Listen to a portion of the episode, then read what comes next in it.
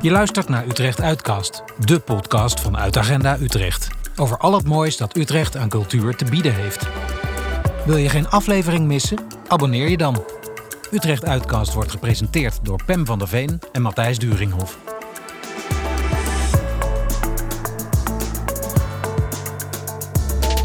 Het werk van fotograaf Jan Banning heeft vaak een politieke lading. Vanuit Utrecht reist hij de hele wereld af om fenomenen als macht, recht, onrecht en oorlogstrauma te visualiseren. De uitkast ging op bezoek bij deze zelfverklaarde artivist die kunst en activisme met elkaar combineert.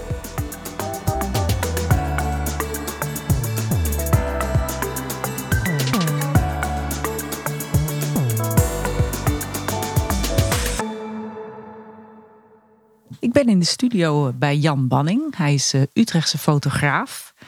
Hij heeft momenteel een uh, tentoonstelling in de stad Schouwburg. Daar zullen we straks uh, op terugkomen. Jan, jij um, was, hebt ooit geschiedenis gestudeerd in Nijmegen. Um, maar wanneer ben je gaan fotograferen?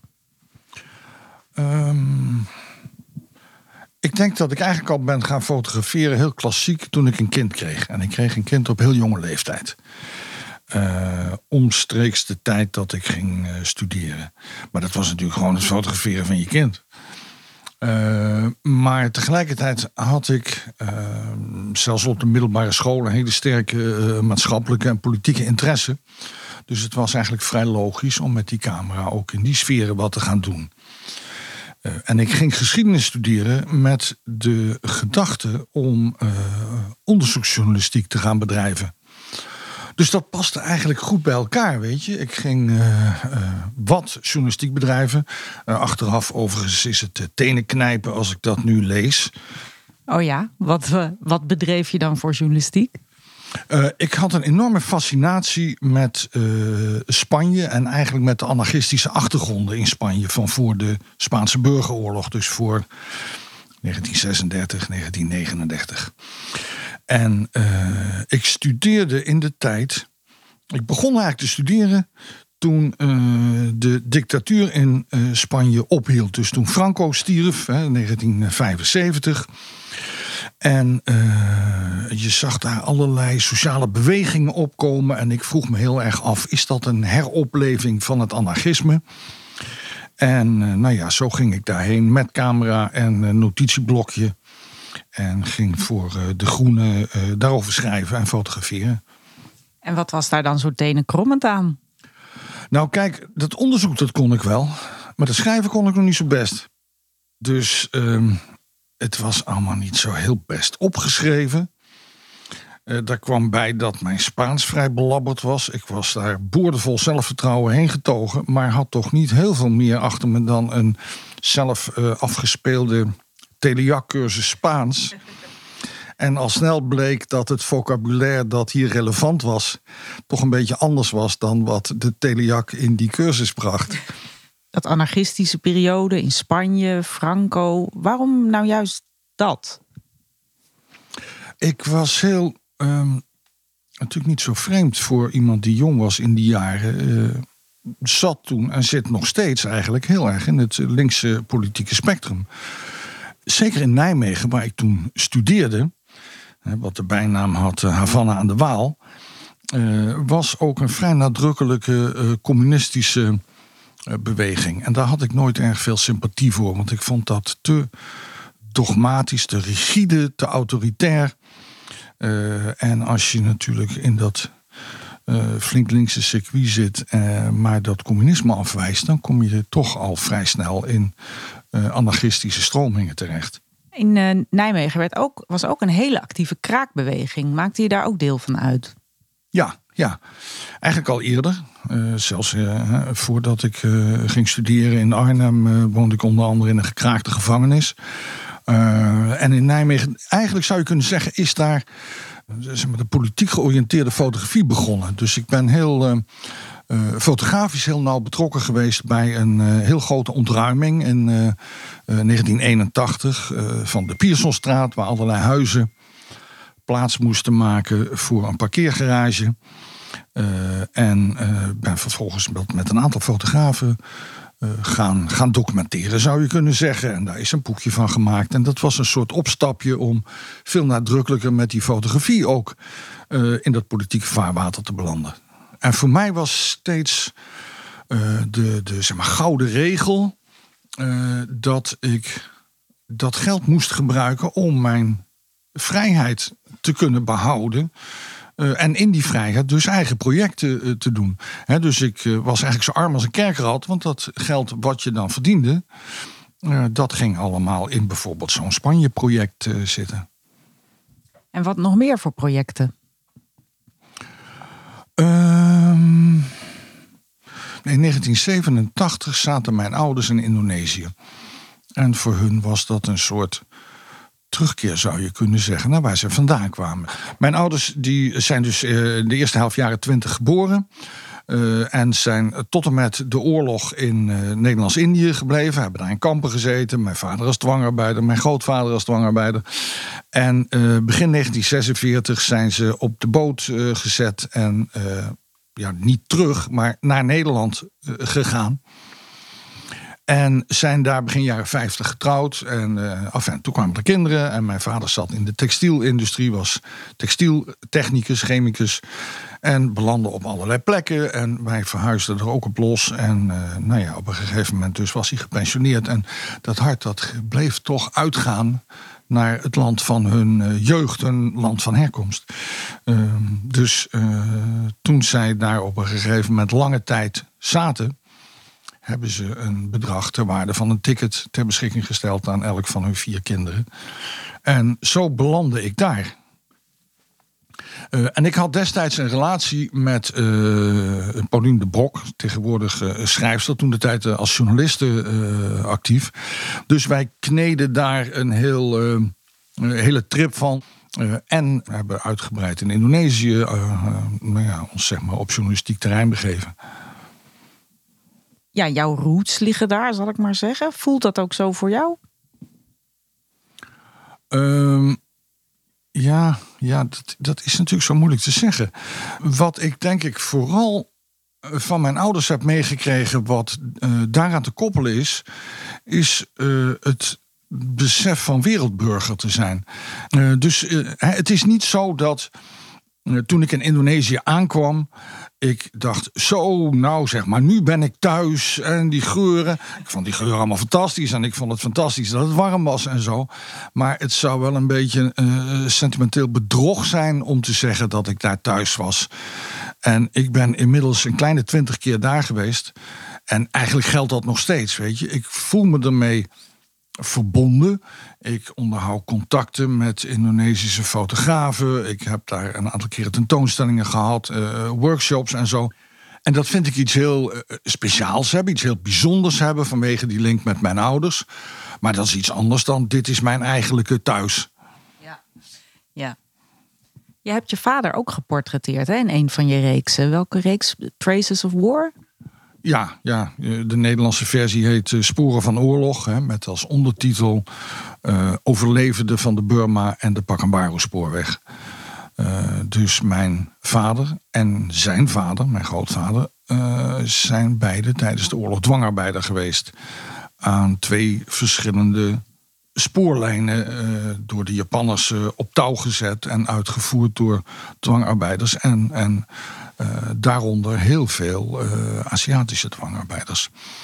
Dus dat sporen van oorlog is eigenlijk een onderzoek geworden naar niet zozeer wat is er toen gebeurd, wat is er met die mensen, wat hebben die mensen daar beleefd. Dat laatste was alleen een opstapje om te ontdekken uh, hoe ze dat nou eigenlijk verwerkt hebben. Wat is de lange termijn impact geweest van dit soort ervaringen? En daarbij heb ik dus uh, Nederlanders gefotografeerd, waaronder uh, zeg maar witte Nederlanders, uh, Indo's en ook Indonesiërs. Dus ik was ook nieuwsgierig naar, is er nou een heel groot verschil tussen met name de Indonesiërs en de mensen die hier in Nederland zitten. Enfin, dus ik heb die mensen ook uitgebreid geïnterviewd en ik heb ze dus geportretteerd. Hoe was het om je vader te portretteren? het was eigenlijk grappig.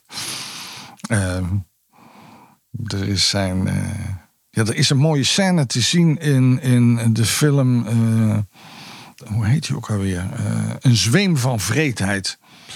Eh, waarin dus ook dat filmen of dat fotograferen van mijn vader wordt vastgelegd. En eh, hij was eh uiterst coöperatief. Ja, god, hoe zal ik het zeggen? Ik kan niet zeggen dat het spannend was, weet je. We waren, eh, we waren hele goede vriendjes. Eh, dus ehm, ik hoefde niks te overwinnen en hij ook niet. Was wel intiem. Ja, natuurlijk was dat intiem. Zeker. Zeker. Maar we waren ook wel gewend aan intimiteit. Dit was gewoon één klein stapje verder in die eh, eigenlijk heel intieme en vertrouwde omgang. Als je mensen sowieso portretteert, ook mensen die je niet kent, is dat die vertrouwdheid of het voeren van gesprekken dan ook een belangrijk onderdeel? Ja, dat is een cruciaal onderdeel. Ja. Kijk, grappig genoeg, wij zitten nu niet tegenover elkaar aan de tafel, maar in een hoek van 90 graden. En dat heb ik bij het portretteren ook vaak gedaan.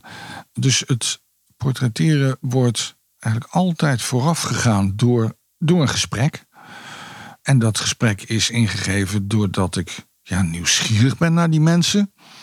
De portretten zijn vaak natuurlijk ook, hoe moet je dat zeggen? Eh, thematisch. Hè? Het gaat om bijvoorbeeld sporen van oorlog, of het gaat om eh, daklozen in de Verenigde Staten, of het gaat om troostmeisjes. Eh, dus het is niet zomaar willekeurig eh, eh, Jaapie of meneer Jansen die ik eh, eh, fotografeer. Maar er is een reden om bij die persoon terecht te komen. En dan gaat dus het gesprek ook daarover. En dan probeer ik inderdaad dus zo dicht mogelijk bij te komen. Eigenlijk eh, wat jij nu bij mij doet. en ehm, ja, dat gesprek kan soms heel lang duren. Hè? Bij Sporen van Oorlog is er één gesprek geweest. Dat duurde, als ik me goed herinner, zes uur. En eh, vervolgens heb ik alles voorbereid. Weet je, dus het licht staat er, de camera staat er. eh, Ik plak een kruis op de eh, vloer waar iemand moet staan of zitten. En dan laat ik ze eigenlijk een beetje aan zichzelf over, zodat, denk ik dan, eh, de sfeer van dat gesprek ja, doorwerkt in het hoofd en in de uitdrukking te zien is. En wat je merkt is na zo'n, zeker zo'n, zo'n heftig gesprek over heftige thematiek, dan willen mensen eigenlijk ontspannen. Dus die willen dan over het weer gaan praten of zo. En dat kapte ik steeds af. Eh, We moesten die spanning vasthouden. Eh, Vandaar ook die filmtitel, Een zweem van vreedheid. Want het heeft een beetje een zweem van vreedheid. Ehm, je bent ze niet ter wille, pas achteraf. En als ze dan zitten of staan voor de camera, eh, dan zeg ik ook verder eigenlijk niet zoveel. Dus het zijn wat hele simpele aanwijzingen. Als wilt u in de camera kijken. Eh, of kunt u uw armen iets optillen, eh, zodat ik eh, nou ja, geen afgehakte eh, armen heb in beeld. Maar ik ga niet op, op het emotionele niveau zitten trekken of duwen dan. Dat moet in die eerdere fase tot stand gekomen zijn. Je wil ze in het verhaal houden. Ja, dat is mooi uitgedrukt. Ja, ik wil ze in het verhaal houden. Je ziet dat bijvoorbeeld heel mooi in de serie Troostmeisjes. Dat zijn portretten van eh, Indonesische vrouwen, hoogbejaarde Indonesische vrouwen die eh, ten tijde van de Tweede Wereldoorlog gedwongen werden als seksslavinnen te werken voor de Japanners. Ja, deze vrouwen hebben vaak heel veel last van schaamte om überhaupt over dit onderwerp te praten. Hoe heb jij deze vrouwen kunnen vinden en ze zover kunnen krijgen? Nou, dan doe je me een beetje te veel eer aan. Eh, die vrouwen zijn gevonden door de schrijfster met wie ik samenwerkte, Hilde Jansen. Met wie je samen het boek ook hebt gemaakt. Ja, boek, tentoonstelling, precies. En die ook in de Troostmeisjesfilm eh, Omdat wij mooi waren te zien is. En dan zie je eigenlijk ook heel mooi hoe ze die interviews doet. En eigenlijk hetzelfde doet wat ik net beschreef. Weet je, probeert ontzettend dicht bij die mensen te komen. En Hilde was destijds eh correspondente in Indonesië. Eh, volgens mij was ze toen correspondente voor het Parool. En sprak eh, uitstekend Bahasa Indonesia, wat in veel, maar niet alle gevallen natuurlijk hielp. Sommige dames spraken Javaans en er moest er nog een tolk tussen. En het was natuurlijk nog los van het vinden, wat Hilde vanuit Indonesië natuurlijk veel beter kon doen dan ik ooit had kunnen doen van hieruit. Ook heel erg belangrijk dat die vrouwen door een vrouw geïnterviewd werden. Want ja, je praat over dingen die zo gevoelig liggen. Uh, dus ik zat eigenlijk bij. Ik zat altijd bij die gesprekken, maar we hadden afgesproken dat als Hilde de indruk had.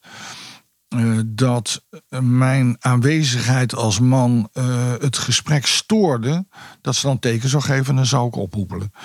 Uh, maar ik probeerde dat gesprek dus ook te gebruiken om op non-verbale manier dichterbij te komen. Maar in juist specifiek deze portretrace kom je heel erg tot de kern. Ja, ja. en dat heeft natuurlijk te maken, denk ik, met de, de urenlange gesprekken. Ook daar, weet je, die. En natuurlijk, um, ja, mensen moeten zo in, in zichzelf, in hun hoofd, in hun herinneringen gaan zitten graven. Uh, dat is natuurlijk een, een heel inspannende, concentrerende en, en emoties oproepende aangelegenheid. En omdat ik ze meteen daarna fotografeerde, uh, ja, blijf je dat ook zien.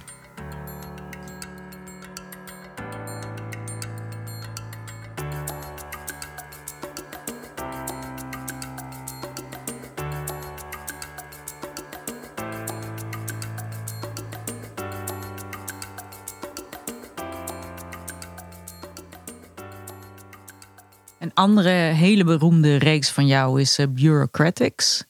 Het zijn uh, portretten van uh, ja, ambtenaren eigenlijk in, op vijf op verschillende landen of continenten. Je hebt steeds mensen achter hun bureau gefotografeerd, wat soms ook hele grappige beelden oplevert van ja, mensen in een schuurtje achter een tafel met een stapel paprassen en dat is dan de, de dienstdoende ambtenaar. Het heeft ook iets ja, grappigs. Is dat de bedoeling geweest? Uh, ja, Bureaucratics is een, is een serie over ambtenaren in acht verschillende landen. Uh, dus eigenlijk wereldwijd, op, op, op vrijwel alle continenten. En ook daar speelt natuurlijk wel mijn, mijn zeg maar, anarchistische gezindheid een rol. Uh, wat ik heel belangrijk vond in die foto's is ik ga niet die mensen belachelijk maken. Dat vind ik misselijk, weet je. Je, je, je vraagt toestemming van zo iemand en dan wordt het wel erg achterbaks om die uh, dan achteraf in de maling te gaan nemen. Misschien tenzij het iemand is in een absolute uh, machtspositie die daar misbruik van maakt. Maar in een normale situatie vind ik dat je dat niet doet. Maar het systeem waar zij deel van uitmaken, uh, het bureaucratische systeem. Ja, daar kan ik vreselijk van genieten om daar uh, zeg maar met de nodige ironie naar uh, te kijken. Het grappige is denk ik ook, het is een beetje boer met kiespijn ook, omdat je ziet al die mensen heel serieus zitten en je denkt, ah, wat is jullie werk? Ja, dat klopt, ja. ik sta nu op het punt om een samenwerking aan te gaan met de de weduwe van David Graeber. En David Graeber heeft uh, eerst het artikel en daarna het boek geschreven, Bullshit Jobs. Wat natuurlijk enorme weerklank wereldwijd heeft gekregen. En daar zijn dit natuurlijk veelal voorbeelden van. Um, en soms ook letterlijk, weet je. Heel veel mensen in India, in Jemen, uh, Bolivia... Ja, hebben eigenlijk ook gewoon geen bal te doen dat zit daar omdat ja, een beetje staat moet natuurlijk wel zo'n ambtenarenapparaat hebben. En je kunt daar niet met anderhalve man en een paardenkop bij een versleten tafel gaan zitten. Uh, behalve misschien in het geval van Liberia, waar ze net een burgeroorlog achter de kiezen hadden. Maar het is natuurlijk voor een deel theater. Het is een, ja, een bizar schouwspel. Van mensen die daar heel serieus zitten te kijken. Uh, maar wat gebeurt hier nou eigenlijk? beetje dossiers heen en weer schuiven. Ja, ja, ja. ja weet je, je ziet dat de prachtigste voorbeeld joh, in India. Uh, uh, er staat dan uh, bij de ingang van zo'n kantoor staat er een mannetje. en die staat, en die staat, en die staat. Tot de hoger geplaatste op het belletje drukt op zijn eh, bureau, ping. En dan komt de man binnen, pakt het vel papier wat naar de aanpalende kamer moet. Draagt dat naar de aanpalende kamer en gaat weer op zijn plek staan. Ja, weet je, wat is dit zo'n gekke huis, joh. wat een waanzin. Een deel van deze reeks Bureaucratics is nu te zien in de foyer van de stad Schouwburg. Maar ook hangen daar eh, een aantal eh, werken uit de serie Down and Out in the South. Kun je daar iets over vertellen? Ja. In 2010 kreeg ik het aanbod om als artist in residence naar Columbia, South Carolina uh, in de Verenigde Staten te gaan. En dat was een, hoe moet je dat zeggen? ik werd vrijgelaten in wat ik ging doen, maar het verzoek was wel om iets te doen nou ja, wat met die omgeving te maken had. Laten we zeggen, niet mijn eigen tenen te gaan fotograferen of, of de blauwe lucht. En 2010 was natuurlijk zeg maar, het, het hoogtepunt van de vorige economische crisis. ingezet door de, de, de banken, de Lehman Brothers enzovoorts. En dat had dus tot een enorme toename van aantallen daklozen geleid. En zeker daar in het zuiden, want daar kon je toch iets prettiger overleven op straat, omdat het klimaat wat gunstiger was. Uh, dus dat werd mij aangereikt. En ik moet zeggen, ik had daar in het begin helemaal geen trek in. Ik dacht, ja, de daklozen, we kennen het wel, we weten precies hoe het eruit ziet. Dus Zwart-wit en dan iemand met een slaapzak of een winkelwagentje of bedelend. En dan vooral heel klassiek, uh, mannen met gegroefde gelaten en een baard. Uh, jongen, jongen, is één groot cliché. Daar had ik helemaal geen trek in. Maar die mensen daar die bleven eigenlijk maar doorzeuren erover. Nou goed, weet je, laten we maar eens gaan kijken dan. En zo begon ik daar uh, met een man die, uh, wiens taak het was om op straat mensen waarvan hij dacht dat ze dakloos waren aan te schieten. En eigenlijk zei, nou heb je medische zorg nodig of heb je onderdak nodig of uh, ben je misschien een veteraan die eigenlijk recht heeft op een uitkering of dat soort dingen. En uh, zo trok ik met hem erop uit. En uh, voor we van start gingen had ik in dat gebouw van waaruit hij opereerde een ruimte kunnen krijgen waar ik een studiootje had ingericht. Uh, dus zo uh, nou ja, vroeg ik mensen mee naar die studio. Uh, en sprak ze en fotografeerde ze. En hoe heb je kunnen wegblijven bij dat gevreesde cliché? Eigenlijk, nou, A, ik ben het niet in zwart-wit gaan doen, maar in kleur. B, ik heb die mensen zonder effect gefotografeerd. Wat ik bedoel is, uh, je kunt daar natuurlijk uh, een soort licht op zetten, wat het allemaal een beetje duister maakt. Of uh, je voert het contrast enorm op of zo. Maar ik dacht, ik, ik wil hier niet zozeer als fotograaf met mijn grote tengels vingerafdrukken opzetten. Dus ik fotografeer die mensen zoals ik, uh, weet ik veel, jou zou fotograferen, of mijn vriendin, of wie dan ook. Ja, dus als, als gewone mensen, dus niet als daklozen. Maar, dus de vraag was eigenlijk niet wat zijn ze, maar wie zijn ze? Dat is wat ik eigenlijk in die foto's wilde, ja, wilde uitzoeken of wilde uitdrukken.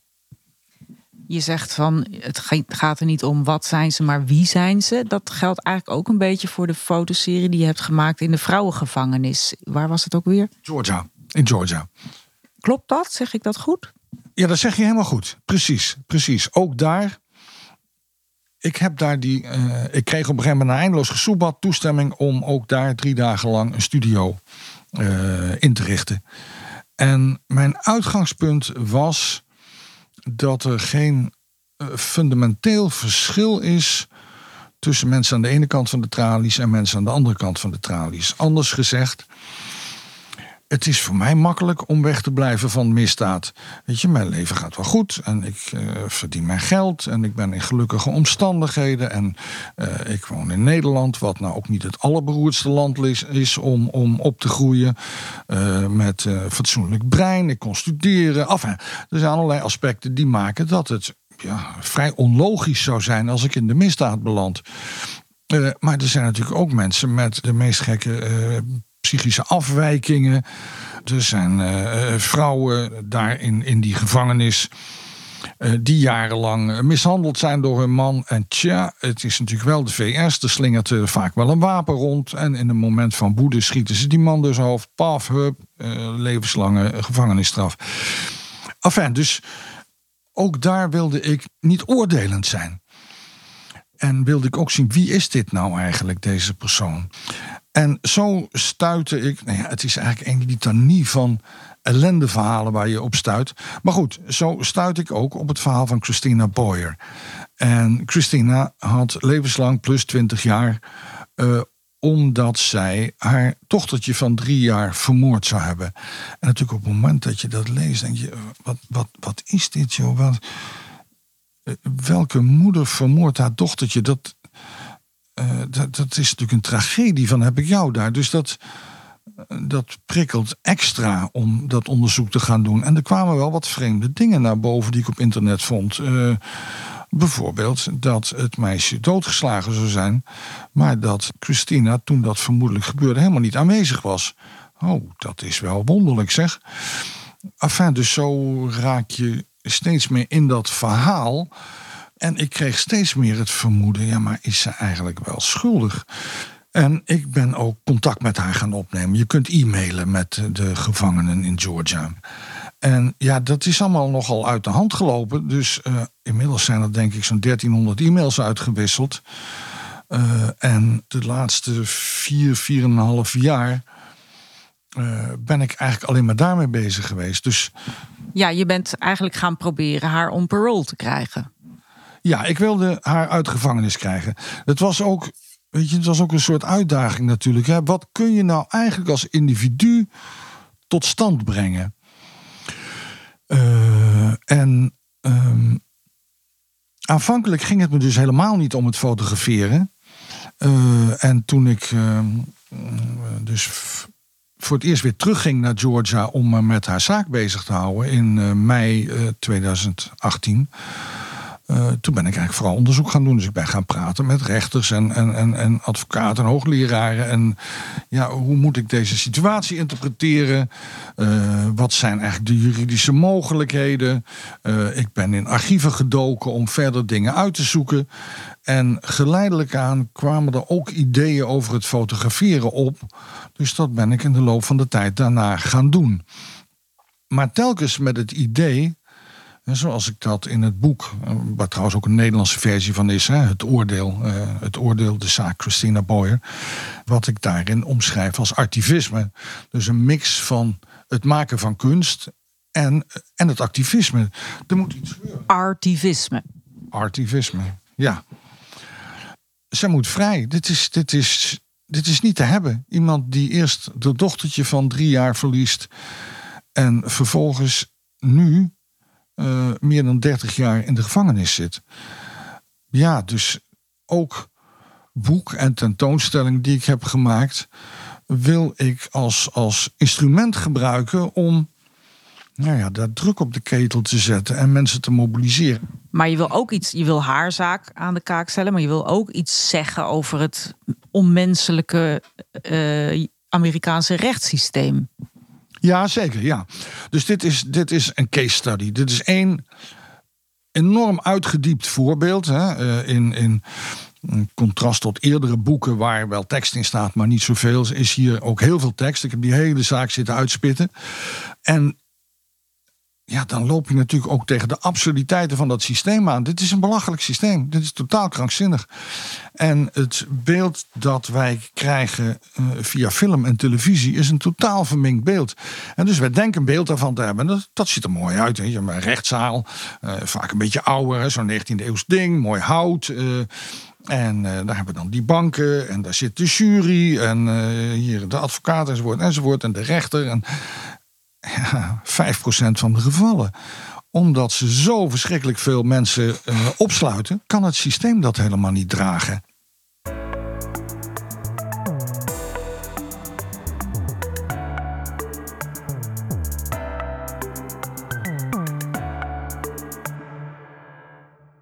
De fotografie is uh, natuurlijk net als uh, schilderkunst en in zekere zin net als muziek een, een, een esthetisch medium wat, wat je gevoel raakt.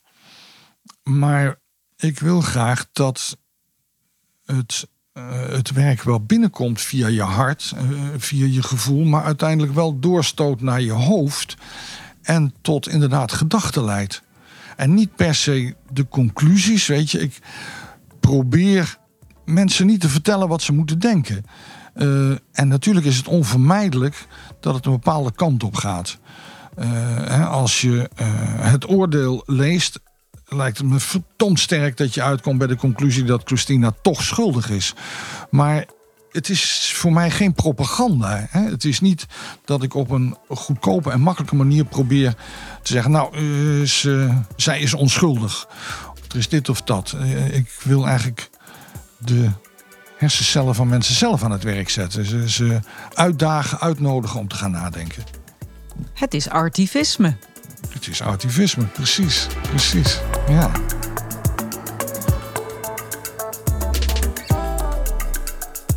De foto's van Jan Banning zijn tot en met 4 december te zien in de foyer van de stad Schouwburg Utrecht.